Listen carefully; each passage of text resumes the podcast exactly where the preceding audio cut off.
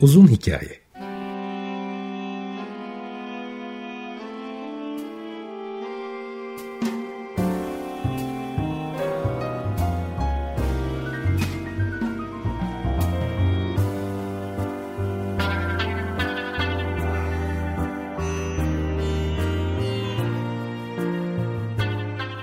Hazırlayan ve sunan Muzaffer Çorlu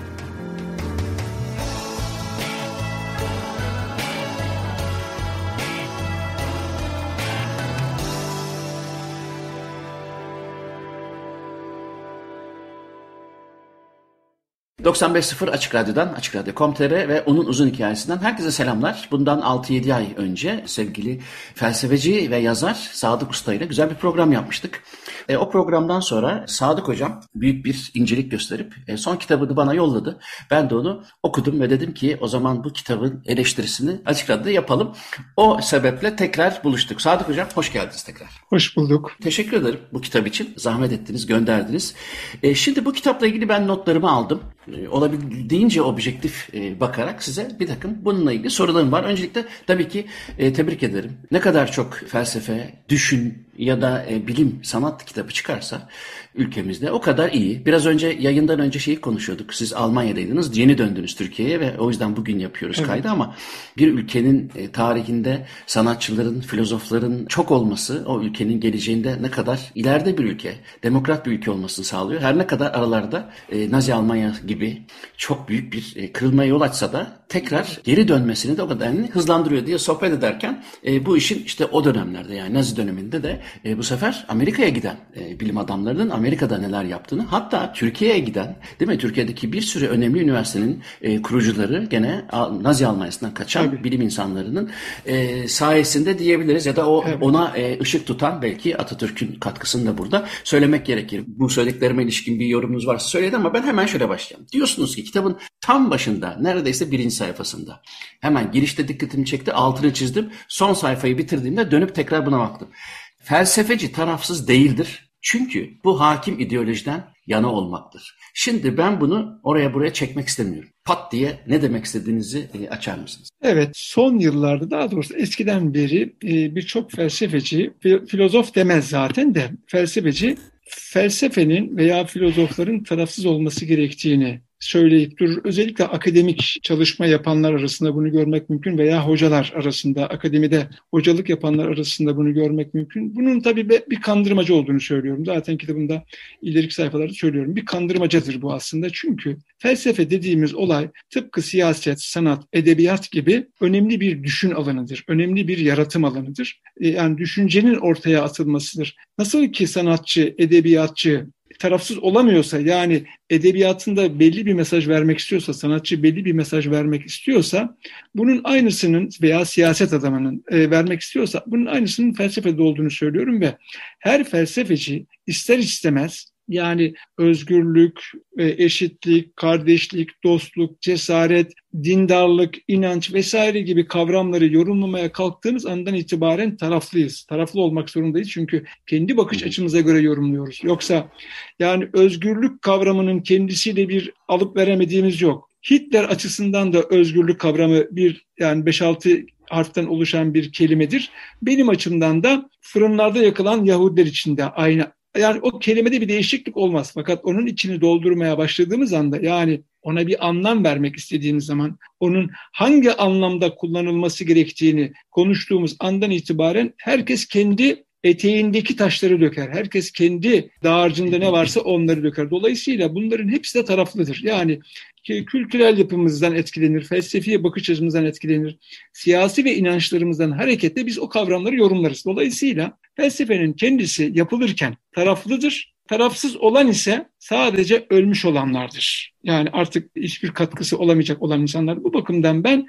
bunun bir aldatmacı olduğunu söylüyorum. Nitekim büyük filozofların hayatlarına baktığınızda onların da her zaman taraf olduğunu görüyoruz. Taraf oldukları için tehdit edildiklerini, sürüldüklerini, ölümle karşı karşıya geldiklerini veya iktidarın nimetlerinden yararlanmak istediklerini, daha doğrusu belli bazı iktidarların payandası olduklarını görüyoruz. Orada da taraftardırlar. İki tane örnek vereyim hemen. Bir tanesi Platon çok ünlü. Platon yaşadığı dönemdeki Atina iktidarıyla sürekli takışmıştır, onlarla kavgalıdır göç etmiştir. Sicilya'ya gitmiştir, Süraküze'ye gitmiştir. Orada da bir komploya karıştığı için yani bir devlet hükümdar değişikliğine bir komploya karıştığı için de az daha kellesini kaybediyordu ama kellesini kaybetmedi fakat köle köle şeyinde satıldı, pazarında satıldı. Arkadaşları para denkleştirerek yeniden onun özgürlüğünü kazanmasını sağladılar. Bu birincisi. İkincisi Spinoza çok ünlüdür gene Spinoza. Herkesin saygı duyduğu yani dindarın da inansızın da saygı duyduğu büyük filozoflardan biridir. O da keza e, döneminin önemli diyelim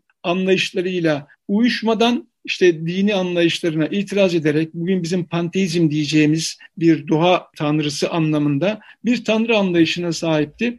Yıllarca eğitim gördü ve hatta gelecekte Amsterdam'daki Yahudi cemaatinin başına geçeceği şeklindeki en azından okullarının başına geçeceği şeklindeki bir imaja sahip olan Spinoza bütün onların dinleriyle, inançlarıyla kavga etmiş. Hatta ölüm ölüm tehdidi almış ve bu nedenle de Hollanda'nın küçük bir kasabasına taşınmış. Emeğini kazanmak için mercekler parlatmış, mercekler zımparalamış ve onun etkisi nedeniyle de işte ciğerlerine toz, cam tozlarının yapışması nedeniyle de çok erken yaşta ölmüştür. Farabi mesela. Farabi keza böyle hayatını kurtarmak için ben hacca gidiyorum diyerek Bağdat'tan ayrılmak zorunda kalmıştır. Aynısı Ömer Hayyam için de geçerli. Feuerbach, Alman, ünlü Alman Feuerbach okullardan atılmıştır. Kant'a dinle ilgili yazılarını yaşadığı sürece yayınlamaması konusunda teminat vermesi istenmiş ve o da, o da buna uymuştur. Yani e, bir sürü e, büyük düşünür, filozof, bilim insanı taraflı olmuştur. Dolayısıyla felsefecilerin taraf olması lazım. Hmm. Ama bir şeyi karıştırıyor insanlar. Tarafgirlikle gerçeklere bağlılık iki farklı şeylerdir. E, siz gerçeğe bağlı kalabilirsiniz ama taraflı da olabilirsiniz. Taraflı oldunuz diye de gerçeğe bağlı kalmamak gibi bir özgürlüğe sahip değilsiniz. Yani her insanın tabii bu zorunlu değil ama benim her düşünen insandan beklediğim gerçeğe sadakattir gerçeğe bağlılıktır. İster bilimsel açıdan olsun, ister düşünsel açıdan, ister felsefi açıdan olsun. Gerçeğe bağlılıktan vazgeçtiği anda o felsefeci felsefeci de değildir artık. Fakat bir felsefecinin tarafgir olması, taraftar olması herhangi bir anlayışa yadırganacak bir durum değildir. Aksine onu beya, açıktan beyan ederse de sevinirim ben. Çünkü zaten fikirler felsefe tartışma alanıdır. Farklı fikirler olacak ki tartışacak ve canlanacak fikir hayatı. O bakımdan ben her felsefecinin mutlaka taraf olduğunu, bunu saklayanların, bunu inkar edenlerin de sahtekar olduğunu söylüyor. Şimdi Platon'dan Spinoza'ya ve ondan sonraki filozoflara da ya günümüzde o kadar çok örneği var ki sadece felsefe dünyasında değil, bilim dünyasında da alabileceğimiz bir sürü Darwin'den başlayarak bir sürü bilim adamı, bilim insanı var ki e, evet, onlar evet. taraflı olduğu için bir takım acılar çekti gibi anlıyorum ben ama aslında burada onların e, gerçeğin tarafını tutması mıdır? Haber niteliği olan şey yoksa da mevcut iktidarın gerçekle olan e, ilişkisindeki e, sapkınlık mıdır onları zor durumda bırakan? Çünkü e, taraflı ben Spinoza'ya taraflı demem ya da ne bileyim Platon'a taraflı demem derken dediklerinize tamamen katılıyorum. E, gerçeğin yanında ya da işte e, çıkarımlarının sonucunda sonuna kadar ona bağlı olabilirler ama başlarının belaya girmesinin sebebi iktidarların bundan hoşlanmıyor olmaları. Yani kendi tarafını tutmuyor olmaları zaten hayatlarını zor geçirmesi için yeterli bir neden öyle değil mi? Evet burada iki farklı konuya değindiniz. Bir gerçeğin tarafında tabii bu filozofların hepsi gerçeğin tarafını tutuyorlardı. Fakat gerçek kavramı da aslında özneldir. Yani kimin gerçeği bu? Platon'un gerçeğiyle Aristoteles'in gerçeği de farklı. Spinoza'nın gerçeğiyle başka o, o dönemde diyelim onunla kavga edenlerin de gerçeği farklı. Yani gerçekler de her zaman aslında özneldir. Yani kimin bu gerçeği savunduğu önemlidir. Şimdi iktidarlarla karşı karşıya gelmek ise bazen bu üst üste oturabilir. Yani hem taraflı bir felsefeyi savunduğu için ama aynı zamanda gerçeklere bağlı kaldığı için e, dışlanıyor olabilirler bunlar. Yani e, mesela şöyle söyleyelim, bazı filozoflar vardır ki iktidarlara karşı karşıya gelmemişlerdir. Ama onların mesela bazı felsefi açılımlarını ben e, muazzam buluyorum. Yani iktidar yandaşı olmuşlardır. Örnek Heidegger Nazilerle ortak çalıştı. Fakat onun varlıkla ilgili, zamanla ilgili kavramları, ölümle ilgili kavramlarını ben mesela olağanüstü buluyorum. Bazı arkadaşlar bana katılmayacaklardır. Özellikle Marksist arkadaşlar bana katılmayacaktır ama yani kendini Marksist oldu, olduğunu söyleyebilecek durumda bir insanım ben. Ben mesela onlardan farklı düşünüyorum bu konularda. Ölümle ilgili, zamanla ilgili, varlıkla ilgili bu kavramlara Heidegger muazzam yeni açılımlar getirmiştir 1930'lu 40'lı yıllarda fakat Nazi iktidarıyla da iyi geçinmiştir. Onların önemli filozoflarından biri olmuştur. O bakımdan yani gerçeğin yanında olup iktidarın koruması altında da olunabiliyor. O zaman da, bağımsız değişken gerçek değil, iktidarla aranızın iyi olup olmaması. Evet, evet. Yani bazen e, gerçeği savunduğunuz için iktidarla karşı karşıya gelebilirsiniz. Bazen yandaş olabilirsiniz. Yani benim böyle kategorik bir bakış açım yok. Anladım. Şimdi kitapta e, ben daha çok mesaj aldım. Çünkü e, bir felsefeye giriş kitabı arıyorum. Acaba neyi okusam gibi e, size soranlar olursa işte ben o yüzden şüphenin tarihini yazdım dediğinizi sosyal e, mecralarda gördüm. Evet. E, fakat ben e, daha çok bu kitapta şundan hoşlandım. Katılmadığım ve eleştireceğim taraf da var. E, evet. Onu da birazdan sorarım. Kitapta böyle daha çok eyleme geçme çağrısı söz konusu. Başından sonuna kadar ve 30-40 sayfada bir düşünmekle kalmayın mesajı satır aralarında okudum ben. Yaşırı mı yorumluyorum bu durumu yoksa da gerçekten e, neden felsefe yapmalıyız ve neden eyleme geçmeliyiz konusunda e, ısrarcılığınızı ben mi e, fazla okudum? Bence yerinde yani bir vurgu yaptınız. E, benim amacım da buydu zaten. Çünkü felsefe açısından yeniden e, bir vurgu yapmak gerekirse bir hurafe dolaşıyor. Felsefenin salt zihinde cereyan eden ve zihinde kalan bir yöntem, bir sistem olduğu sanılıyor. Ben buna itiraz ediyorum. Diyorum ki hmm. felsefe zihinde ce- cereyan eden düşüncelerin, kavramların çatışmasıdır, uyuşmasıdır, yeni açılımıdır. Fakat bunun hayatımızda bir anlamı olmalıdır diyorum. Ve onun için de diyorum ki felsefe veya aydınlanma insanın kendi şüpheleriyle hareket ederek kendi bildikleriyle, kendi inandıklarıyla, kendi doğrularıyla çatışmasıdır. Onlarla uzlaşmamasıdır. O bakımdan ben felsefeyi yani harekete geçmeyi önce bir defa kendimiz kendimizi harekete geçirelim. Yani içsel açıdan kendimizi harekete geçirelim. Kendi bildiklerimizle çatışmayı göze alalım. Felsefe budur. Başkasının değil, başkasının anlayışlarındaki sakatlıkları herkes görür diyelim tırnak içinde. Herkes görebilir. Fakat insanın en büyük zaafı kendi içiyle hesaplaşamamasıdır. Kendisiyle hesaplaşamamasıdır. Dolayısıyla kendi fikirlerini doğru, karşıdaki fikirleri yanlış, kendi inançlarını doğru, karşıdaki inançları yanlış bulmasıdır. Ben önce felsefe öğrenmek isteyenlerin, felsefeci olmak isteyenlerin kendileriyle hesaplaşmaya hazır olmalarının gerektiğini düşünüyorum ve bu birinci açıdan, birinci anlamda harekete geçmektir. Yani önce kendimizle ilgili harekete geçelim. İkinci harekete geçmek ise kendi en yakın çevremizden başlamak üzere toplumu aydınlatma misyonu edinmektir. Aynı zamanda felsefe. Ne der Kant? Kant der ki insanın ergen olamama halinden, edilgen halinden kurtulmaya cesaret etmesidir. Aydınlanmak insanın edilgen olması nedir? Yapmak istediklerini, düşünmek istediklerini hep yukarıdan beklemesidir. Yani iktidardan beklemesidir, tarikatlarından beklemesidir, partisinden beklemesidir, komutanından, şefinden, amirinden beklemesidir. Siz bir defa Önce bu konumdan kurtulun. Bu konumdan kurtulmak için de cesaret etmelisiniz der. Dolayısıyla e, başkasının himayesinden kurtulmak demek insanın o güne kadarki alışkanlıklarından kurtulması demektir. O güne kadarki doğru bildiklerinden kurtulması demektir. Bu birincisidir. İkincisi ise insan kendisini aydınlanmaya cesaret edelim e, diyor ya Kant. Bu aynı zamanda şudur. Siz birini aydınlatırken aslında kendinizi aydınlatmış oluyorsunuz. Tabii Kant bunu çok etraflı bir şekilde işlemez. Bunu esas olarak bir süre sonra Hegel'de göreceğiz bu anlayışın derinlikli halini. Hegel'de göreceğiz ve sonra Marx'ın dördüncü tezi var. Ünlü Feuerbach üzerine tezleri var dördüncüsü. Yani aydınlatan insanın kendisinin aydınlandığını söyler ve ben bu kitapta uzun uzun aydınlanmanın diyalektiği diye bir bölüm yazdım. O bölümde ilk defa ağaç yontup o ağacı mızrak sapı yapan insanın sadece dünyayı değiştirmediğini yani bir nesneyi değiştirmediğini ama aynı zamanda kendi zihinsel dünyasını da değiştirdiğini yani sıradan bir odunu işleyen insanın kendisi de sıradan bir kalastır aslında. O bir odunu mızrak sapı yaparken aslında kendini de kalas halinde, kalas olmak halinden kurtarmaktadır. O artık mızrak sapı yapan bir usta haline dönüşmektedir. Ben şimdi bu bu sapı, bu odunu bir insana aktaralım diyorum. Yani bir insan bir insanı aydınlatırken sadece başka bir insanı aydınlatmaz, kendisini de aydınlatmış olur. Neden? Çünkü bir insanı aydınlatmak demek o insanın bildikleriyle, düşündükleriyle, inandıklarıyla, yaşam tarzıyla barışık olmamak ve onun neden yanlış yolda olduğunu göstermektir. Onun inançlarını bilmeden değiştiremezsiniz. Onun inançlarını bilmek istediğinizde araştırmak zorundasınız. O insanın neler düşündüğünü bilmeden onu de- değiştiremezsiniz. Onun ne düşündüğünü de araştırmadan yapamazsınız. Dolayısıyla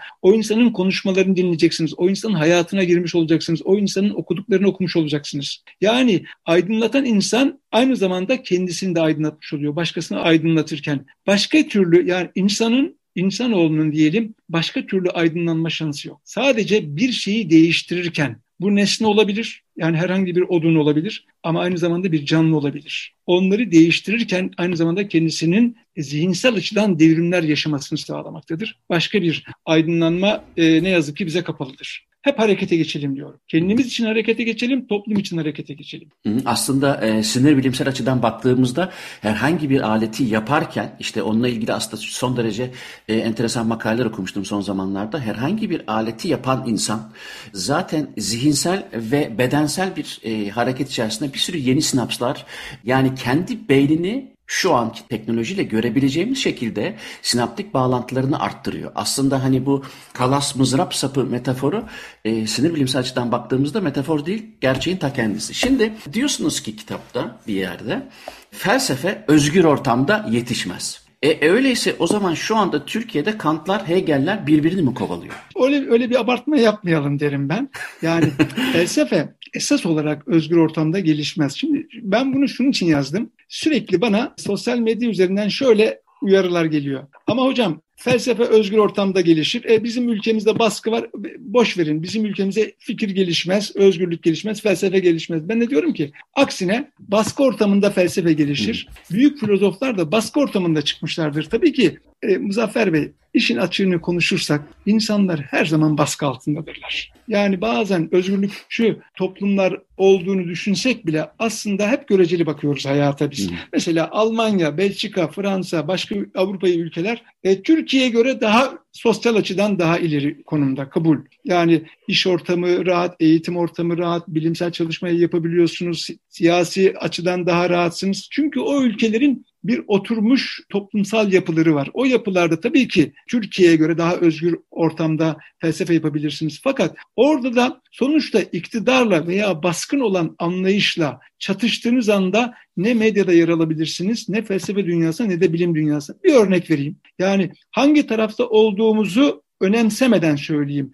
Rus-Ukrayna savaşı. Avrupa'da şu anda Rusya'yı herhangi bir şekilde bırakalım övmeyi yani övmeyi bırakalım haklı görmeyi bırakalım sadece Rusya'nın buna itildiğini söyleyip veya Batı'nın da hatalarının olduğunu söyleyen gazeteciler artık gazetelerde yer almıyor. Herhangi bir siyaset adamına izin verilmiyor. Yani ben mesela bunu Avrupa'da görüyorum. Her gittiğimde şaşırıyorum. Her yerde Rus düşmanlığı, Rus karşıtlığı bütün otobüslerin üzerinde Ukrayna bayrağı yani yüzde yüz Ukrayna haklı tıpkı Nazi Almanyası'na karşı mücadele ediliyormuş. Hava, hava yaratılmış durumda şu anda.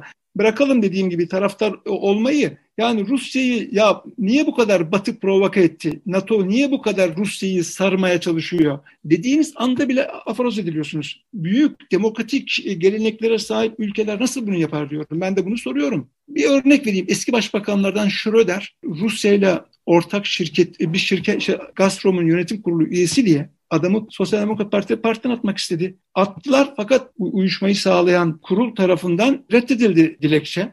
Düşünebiliyor musunuz? Başbakanın korumaları alındı. Almanya'nın göbeğinde oluyor bu. Eski Başbakan Schröder'in korumaları alındı. Eski Başbakan Schröder'in bürosundaki bütün elemanlar alındı. Bürosunun bütün e, imkanları e, ortadan kaldırıldı. Görebiliyor musunuz? Almanya'nın göbeğinde oluyor bu. Yani şuraya geleceğim. Yani aslında dünyanın hiçbir yerinde gerçek anlamda bizim kafamızda özgür dediğimiz ortamlar yok. Her yerde iktidarların, hakim ideolojinin baskın havasıyla karşı karşıyayız. Burada buna karşı mücadele edenler gerçek felsefecidir benim açımdan. Gerçek gerçek filozoflar oradan çıkıyor. Yoksa yani suya trit açılımlarda bulunanlar veya iktidarlara yaranan cümleler kuranlar, yazılar yazanlar, tezler hazırlayanlar benim için bunların hepsi unutulacaktır. Bunların tarihte izi kalmayacaktır. Fakat insanlık baskı dönemlerinden 50 yıl sonra o baskı dönemlerde ses yükseltmiş olanlara artı işareti koymakta ve onu felsefe tarihine almaktadırlar. Yani felsefe tarihine o, adamlar girmektedirler. O bakımdan ben özgür tırnak içinde söyleyelim yine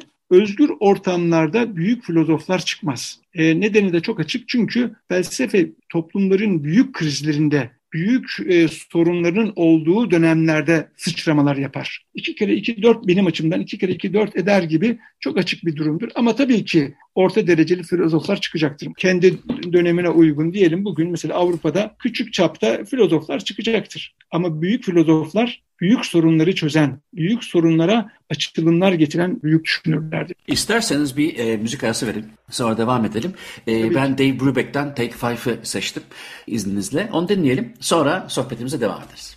Dave Brubeck'ten Take Five'ı dinledik. Düşünür, yazar Sadık Usta ile birlikteyiz. Şimdi e, birinci bölümü kapatırken özgür ortamlarda felsefenin özgür olmayan ortamlara göre biraz daha güdük kalabileceğini çünkü büyük sorunların bir sorun olduğu için o sorunu çözmek isteyen en azından düşünsel açıdan çözmek isteyen insanların varlıklarına bir sebep olacağı için tabii ki daha büyük sorun olduğunda daha büyük sorunu çözmek isteyen daha büyük çözümler gelecektir dediğinizi anladım. Dolayısıyla biraz da espriydi ama gerçekten de e, Almanya'nın göbeğinde dünyanın en özgür ülkesinde de herhangi bir kişi sadece kendi ailesinde özgür olmadığı için büyük şeyler yapabilir. Dolayısıyla sürekli büyük resim görmekten yana bir soru değildi. Şimdi yine kitapta, kitabın da e, ismi aslında hani bir felsefeye giriş değil de şüphenin tarihi. Bu e, benim çok hoşuma gitti e, bu başlık. Çünkü albenisini de arttırıyor kitabın. Bu iyi bir strateji olduğunu da düşünüyorum ama okudukça bunun sadece bir strateji değil.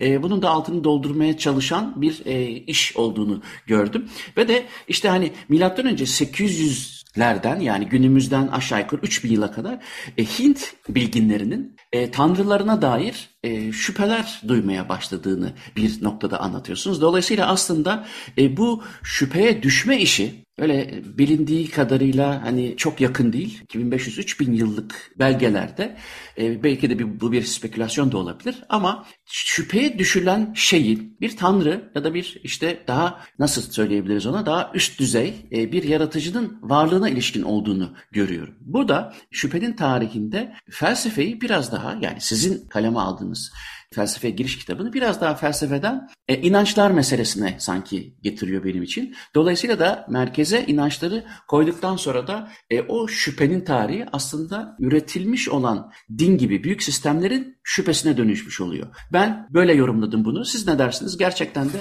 o çünkü o örneği boşuna verdiğinizi düşünmüyorum. Milattan önce 800 yıldaki Hint bilginlerinin şüpheye düşüş meselesini. Ne dersiniz? Evet. Muzaffer Bey önce kitabın adına geleyim. Teşekkür ederim. Evet şüphenin tarihi iyi bir başlık oldu. Bunu editörüm Şebnem Hanım'ın muazzam e, zihnine borçluyuz şöyle bir teklifte bulunmuştu o. Taş baltadan günümüze şüphenin tarihi demiştik. Fakat çok uzundu. Çok uzun oldu. İkincisi şöyle e, uyarlar geldi. Taş baltadan günümüze şüphenin tarihi dersek sanki bir teknoloji tarihi gibi algılanabilirmişti. Felsefeyi ıskalamış olabileceğimiz söylenince tabii şüphenin tarihinde e, karar kıldık. Fakat Şebnem Hanım'ın, Şebnem Soral Hanım'ın önemli bir buluşudur o. Ona borçluyuz bunu. Ben, hakikaten ben ben de sevdim, içime sindi kitabın adı.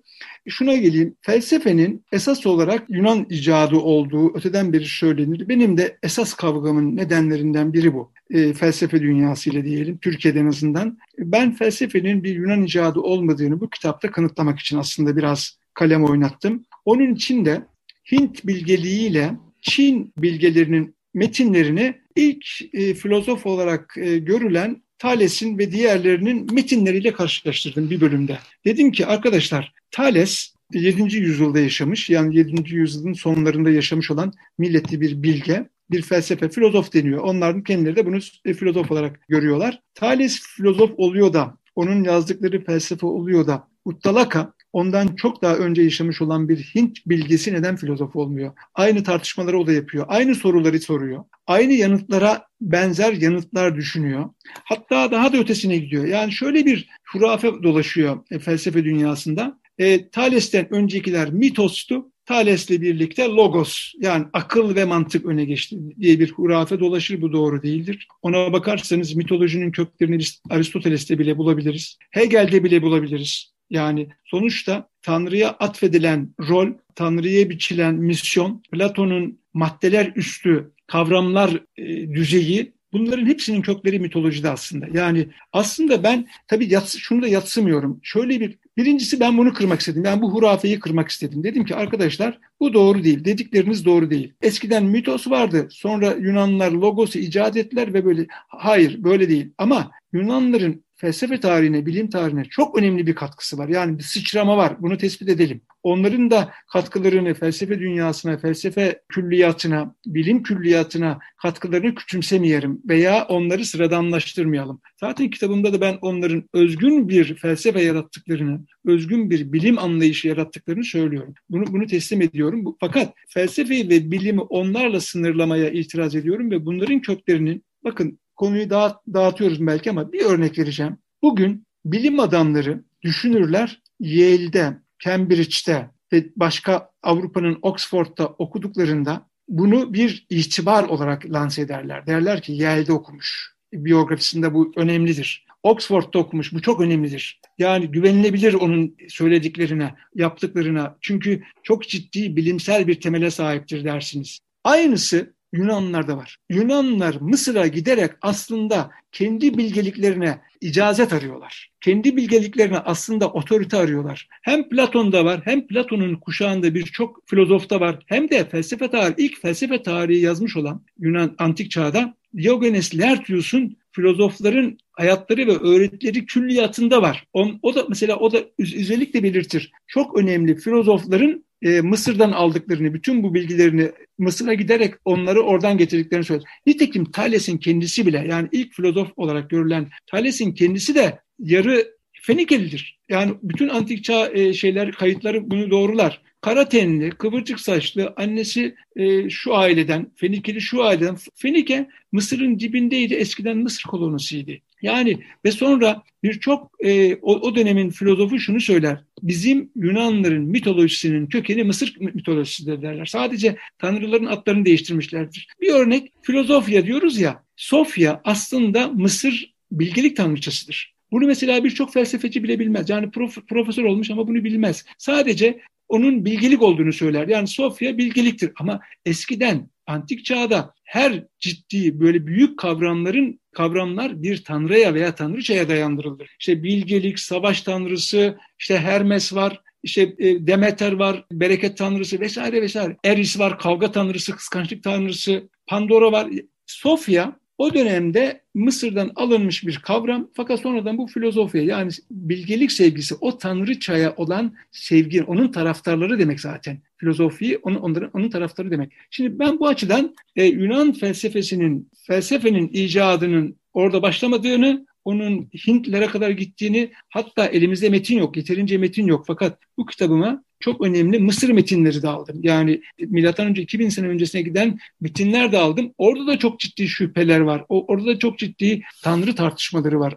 Neden tanrı tartışması? O da şundan. Felsefenin e, başladığı ilk alan ilahiyattır da ondan. Çünkü hepsi aslında hepsi ilahiyattan çıkıyor. Bütün düşünce aslında ilahiyatın kendisinden çıkar ve sonra felsefe daha özgür bir düşünme şekli olarak zamanla ayrışır. Ondan sonra bilim kopar. Yani ilk filozoflara baktığınızda hem bilimi tartışırlar hem metafizik konularını tartışırlar hem de etik konuları tartışırlar. Hepsi iç içedir onlarda. Yani insanın nasıl olması gerektiği, toplumların nasıl olması gerektiği, devletlerin nasıl olması gerektiği, bilimin nasıl ilerlemesi gerektiği gibi aynı zamanda evrenin nasıl doğduğu, evrenin sahibinin kim olduğu, evrenin nasıl yaratıldığı tartışmasında hepsini iç içe yaparlar. O bakımdan oradan gelmiştir ve bu nedenle de ben kitabımda işi e, Hint felsefesine kadar götürerek esas kaynağın oralarda olduğunu söylemek istedim.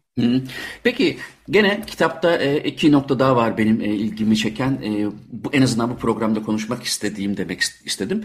John Locke'dan bahsetmişsiniz. Tabii ki onun e, tabu rasasını zihnin beyaz sayfaya doğduğunda ben yıllar evvel işte psikoloji falan okurken de çok tartışılan bir şeydi. Siz ne düşünüyorsunuz? Çünkü şunun için soruyorum bunu. Bir sonraki soruda da dil ve bilinç konusuna girmek isteyeceğim çünkü.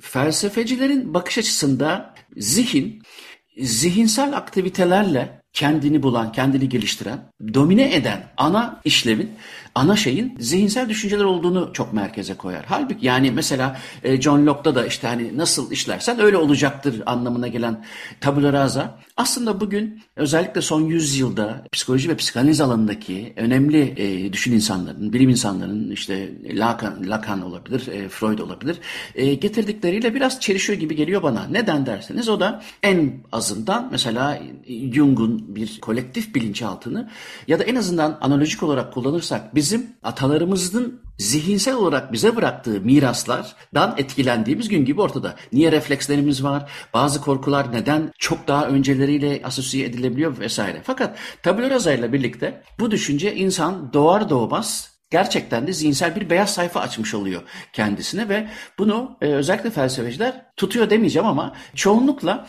e, savunuyor gibi görüyorum ben. Evet. Bu benim düşündüğüm gibi birazcık controversial bir durum yaratmıyor mu? Evet. Ya da ben mi yanlış yerden bakıyorum? Şimdi şöyle, John Locke'a kadar filozofların ekseriyatı insan zihninin tanrısal bir kaynaktan beslendiğini söylerlerdi. Bunun tabi esas teorisini de Platon'dur. Yani insan zihni baştan itibaren kavramlarla doludur.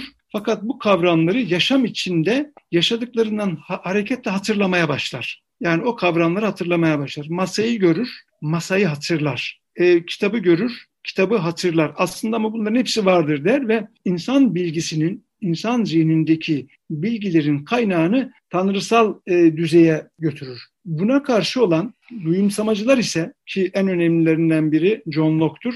O ise hayır bize Tanrı'dan gelen, tanrısal katmandan gelen herhangi bir iz yoktur, külliyat yoktur, zihnimizde bir kavramlar külliyatı yoktur. Bu külliyatı biz yaşam içinde kendimiz oluşturmaktayız diyerek beyaz sayfa metaforu e, kullanır. Yani insan yaşadıklarıyla birlikte zihninde bazı kavramlar yaratır ve düşünceler yaratır der. Şimdi esas da bu doğru. Esas da bu doğru fakat bunu şöyle düzeltmek lazım, şöyle açımlamak lazım. İnsan canlı denen insanın aslında iki varlık alanı var. Biri bedenseldir. O bedensel alanda insanın doğrudan iradesinden iradesine bağlı herhangi bir dahili yok. Onu tamamen evrim oluşturur. Zihnimizin nasıl oluşacağı, beynimizin nasıl olacağı, konuşmalarımızın nasıl olacağı, elimizin, ayağımızın yani bedenimizle ilgili her şey beynimize dahil bu evrimin eseridir. Buradaki bütün değişikliklerin ana sebebi evrimin kendisidir. Fakat ikincisi ise zihinsel dediğimiz kültürel alan ise insanın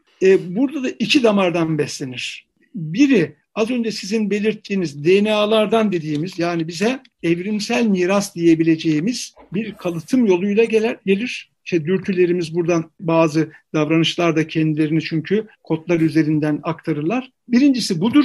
İkincisi ise insanın kendi yaşadıklarıdır. İnsanın kendi yaşadıkları diyelim ama ona düşündüklerini de ekleyelim. Çünkü insan yaşamadan da bazı şeyler düşünebilir. Yani fantastik ögeler, edebiyatta, sanatta, bilimde, ütopyalarda yaşamadıklarımızı düşünüyoruz. Doğrudan görmediklerimizi düşünüyoruz. O bakımdan zihnin burada önemli rolü var. Dolayısıyla ben bunu şimdi üç, üç damar diyelim. Birincisi bunu tabii Kant esaslı bir şekilde aslında yazdı fakat çok açılımlı yazamadıkları için yani Özür dilerim. Ee, anlatırken kesmek istemiyordum ama son anlattığınızı şöyle anlamayayım değil mi? Kartezyen bir dualiteden bahsetmiyorsunuz. Yani zihinle hayır, bedeni ayırırken. Ha, hayır hayır. Ayırmıyorum. Onu düzelteyim tabii, kafamda çünkü tabii. ona takıldım e, yanlış yere gidiyorum. Hayır e, öyle öyle düşünmüyorum ben yani beden ve ruh e, anlamda söylemedim ben. Bunu şunun için ayrıntısıyla anlatmak istedim. Birçok imanlı, dindar insanla tartışırken bu benim önüme çok geliyor. Evrimi kabul ediyor. Fakat zihindeki evrimin bedensel değişiklikleri, dönüşümleri kabul ediyor fakat zihindeki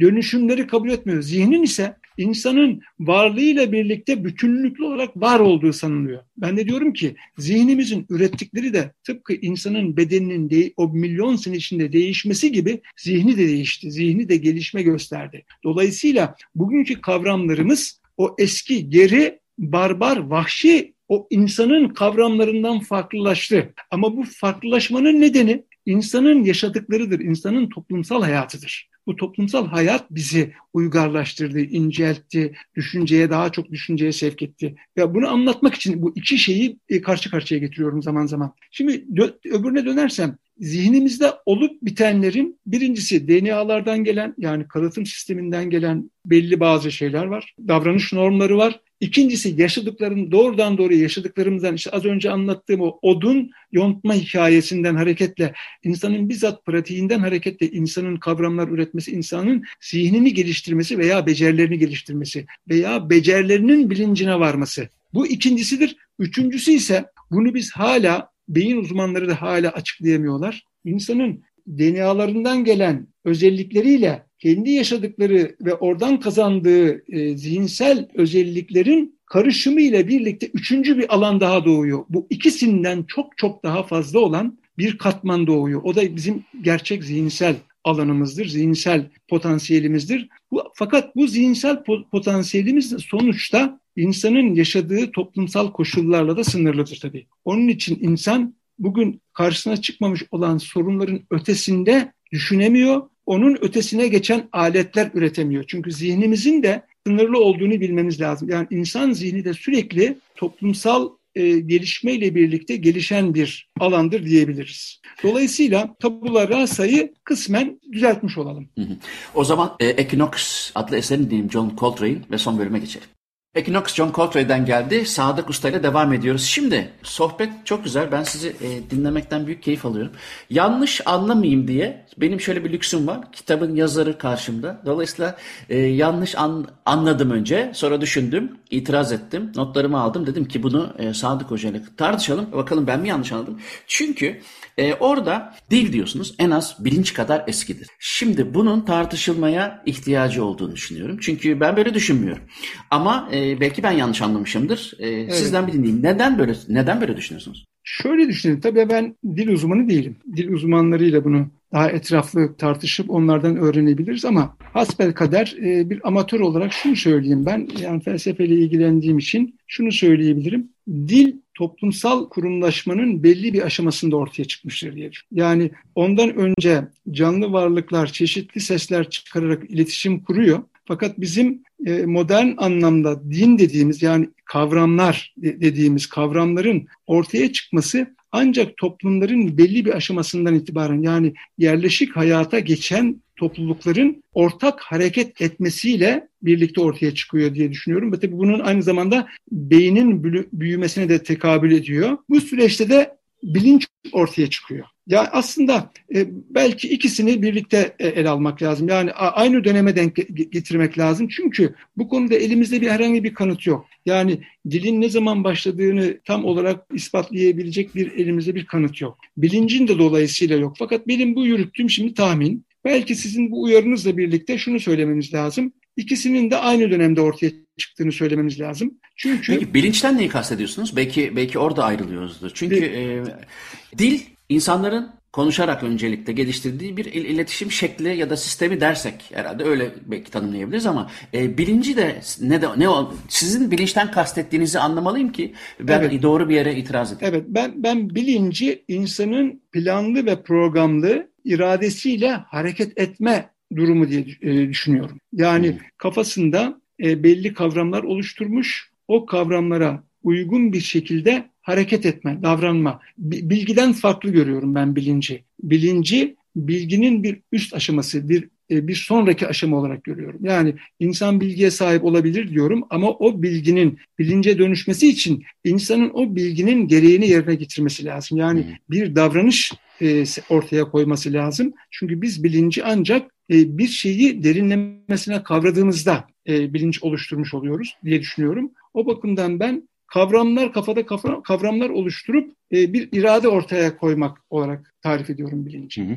Çünkü neden itiraz etmek istedim? Ee, benim anladığım kadarıyla şimdi dilin e, aşağı yukarı kognitif kırılma denen aşamayı yani kimilerine göre 75 bin yıl, kimilerine göre 50 bin yıl aşağı yukarı böyle bir şey yaparsak dilin geliştiği ki hem larynx hem de e, bir sürü başka e, çalışma gösteriyor ki aşağı yukarı böyle bir konsensüs var. Hadi 75 bin yıllık diyelim. Fakat 75 bin yıldan öncesine baktığımızda hem arkeolojik açıdan hem de antropolojik çalışmalarda da görüyoruz ki mesela insanların e, müzik aletlerinden tutun da e, birçok alet edevat geliştirdiği hatta onları tamir etmek için stratejiler geliştirdiğini görüyoruz. Fakat bu sırada e, bizim bugün dil dediğimiz anlamda insanlar arası e, kelimelerle bir iletişim şekli yok. O zaman ondan önce yapılan yani 75 bin yıl öncesini kapsayan dönemdeki çıkarımların yapıldığı, stratejilerin geliştirildiği hem toplumsal hem de alette dayalı yeniliklerin, inovasyonların bilinçsiz olduğunu mu söylememiz gerekecek? Hayır. Bence o zaman ben tabii e, şimdi sizden öğrenmiş oldum. 70-75 bin yıl önce dilin o oluştuğunu söylüyorsunuz. Ben tabii bunun çok daha önce olduğunu düşünüyorum. Ama elimde bu, bu konuda bir e, yani kendi bilgimin kendi e, iddiamın kesin olduğunu da söyleyemem. E, çünkü dil evet. Ben de yanılıyor olabilirim. Evet. Ben evet. kendi bilgimle baktığım için e, o evet. şeyi e, e, fakat hem dili hem fakat, bilinci... Fakat şey, size katılıyorum Muzaffer Bey. Yani e, şayet 25 75 bin seneye kesinleştirirsek dillerin ortaya çıkmasını, dilin yani modern anlamda dil diye o ortaya attığımız diyelim o kavramın 75 yıl öncesine sabitlersek ondan önceki yapılanları da bilinçli bir faaliyet olarak görmemiz lazım. Yani bu konuda düzelt düzeltmenize katılıyorum. E, 75 bin yıl derken tabii onun da e, sistemli bir dil olduğu söylenebilir mi? Yani 75 bin yıl öncesine e, giden şeyin de e, bildiğimiz anlamda dil olduğunu söyleyemeyiz. Bununla ilgili benim e, uzmanlığım bu değil fakat uğraşıyorum müzik ve e, dilin birlikte nasıl e, geliştiğiyle ilgili çok fazlasıyla makale okuduğum için benim bilgi kaynağım onlar. Dolayısıyla ben onların yalancısıyım ama e, aynı zamanda e, Harari'nin Homo Sapiens kitabında da dilin gelişimiyle ilgili olan kısımda da yine yanlış hatırlamıyorsam aşağı yukarı böyle bir şey söyleniyor. Yıl söyleniyor ama evrimsel gelişim illa daha doğru olana gitmek zorunda değil. Çevrede nasıl geliştiğine göre. E, son derece yanlış yere de gidebilir. Dolayısıyla evet. evrim e, pozitif bir gelişmeyi içermez genellikle. Buna katılıyorsunuz. Fakat kitapta da hatta 264. sayfada benim şak diye karşıma çıkan David Hume'un dinler yüzünden boğazlar kesilecek.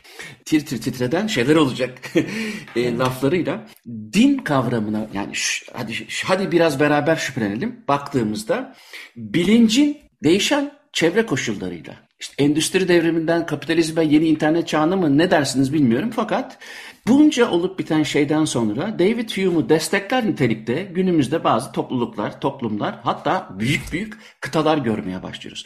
David e, Hume e, haklı mı çıkacak gerçekten hala bu yüzyılda bu bilince gelmiş dünyada en azından bir kesiminde boğazlar kesilecek mi? Yani din bazı toplumlarda olduğu gibi kendini revize edelim. Belki de hani o kelime e, dindarlar için hiç doğru bir kelime olmayabilir ama ben daha doğruya yönelen diyeyim. Bir e, gelişme bekler misiniz dinden yoksa boğaz kesmeye doğru negatif evrimleşe evrimleşe devam mı eder? E, Muzaffer Bey kategorik olarak ben insanlığın hep olumluya ve iyiye doğru gideceğini düşünenlerden değilim. Hı hı. Aslında tabii biz insanlığın hayatını evrim kuramında da olumlu bir şey olarak görüyoruz. Fakat çevre açısından bakarsak yani global yer yeryüzü açısından bakarsak olumsuz bir gelişmedir. Neden? E, çok diplerde olan o ekosistem içinde çok altlarda olan bir canlı varlık bir anda iki ayak üstüne dikilerek aletler üreterek zihinsel gelişmeyi başararak bir anda en üstlere çıktı ve ve bugün bunun sonuçlarını bugün görüyoruz. Ekosistemin darmadağın edilmesi diyelim. Daha doğrusu başka canlıların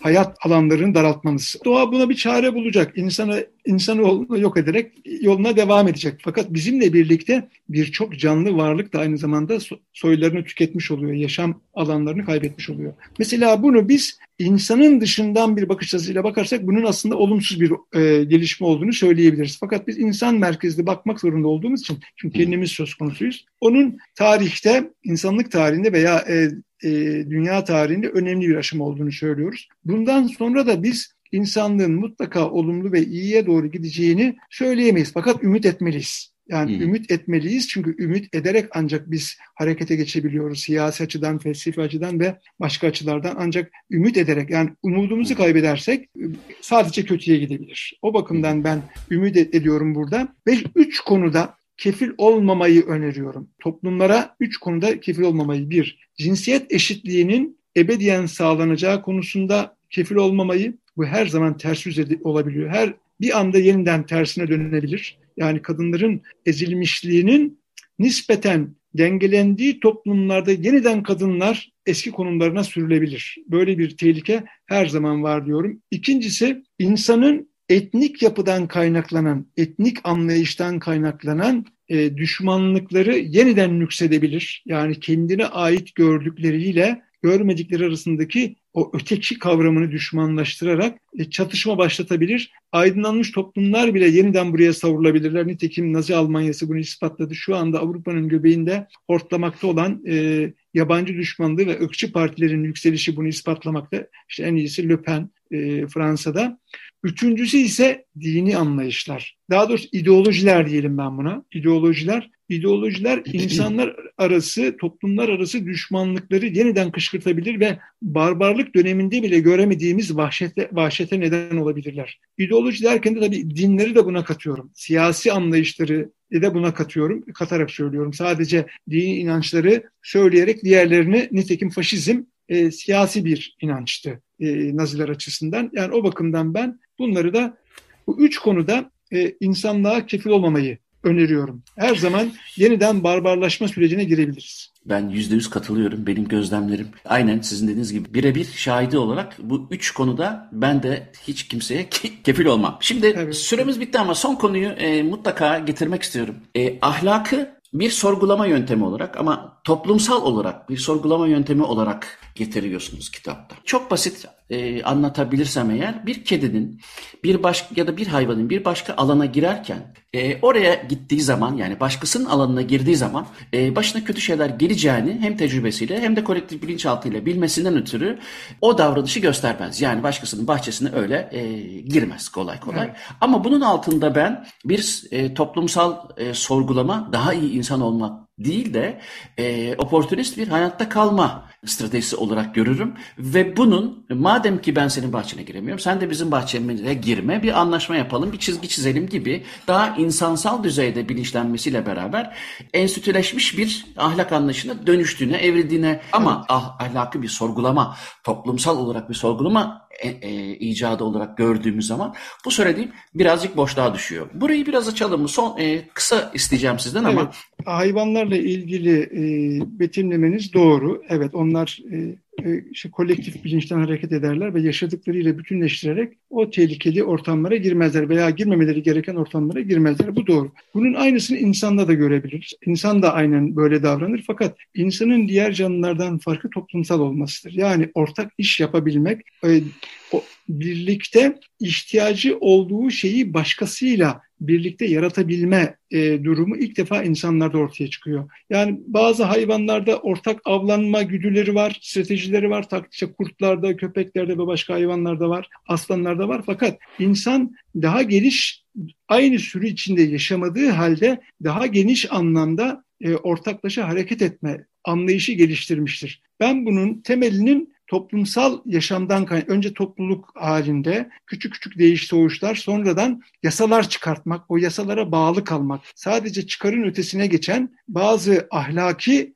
e, anlayışlar da geliştirmek. Mesela e, başkasının toprağına çökmemeniz gerektiğini bilirsiniz. Bunu yasalarla oluşturursunuz. Yasalarla da sabitlersiniz. Fakat sonuçta bunu gerçek fakat sonuçta bunu garantiye alacak olan insanın kendi davranışıdır. Ben burada insanın toplum içinde e, uyumlu yaşamak e, ve o uyumlu yaşamayı e, zarara uğratmamak adına bazı e, ahlaki anlayışlar geliştirdiğini sanıyorum. Ve bu ahlaki normların da ancak toplumlar içinde varlık göstererek ortaya çıkabileceğini düşünüyorum. Kısaca ancak böyle tarif etmiş olayım. Tamam gayet, gayet net netti. E, bu son yazdığınız şüphenin tarihi. Güzel. E, memnun musunuz ilgiden? E, evet. E, yani Harika. iyi ki yazdım diyorum. Çok emek verdim. İki yıldan fazla bir zaman biriktirmiştim. Bu. Tabii 40 yıllık bir şeye dayanıyor ama son iki yılda çok yoğun e, üzerinde çalıştım. E, özellikle sosyal medyada çok tartıştım. E, şunu da düzeltmiş olayım.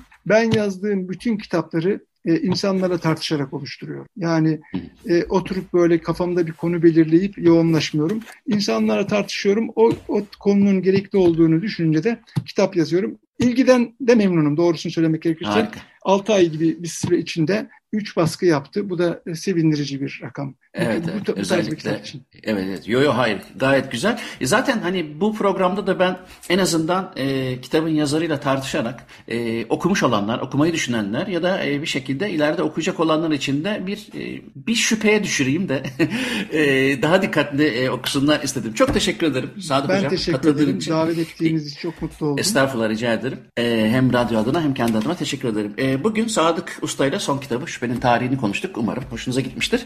Bana ulaşmak için Muzaffer Corlu Gmail adresine ya da Deniz Atlam Gmail adresine e, yazabilirsiniz. Programı Spotify'a koyacak Açık Radyo. Yayından sonra e, ben de görüntülü olarak YouTube kanalıma koyacağım. Haftaya görüşürüz. Hepinize günaydın.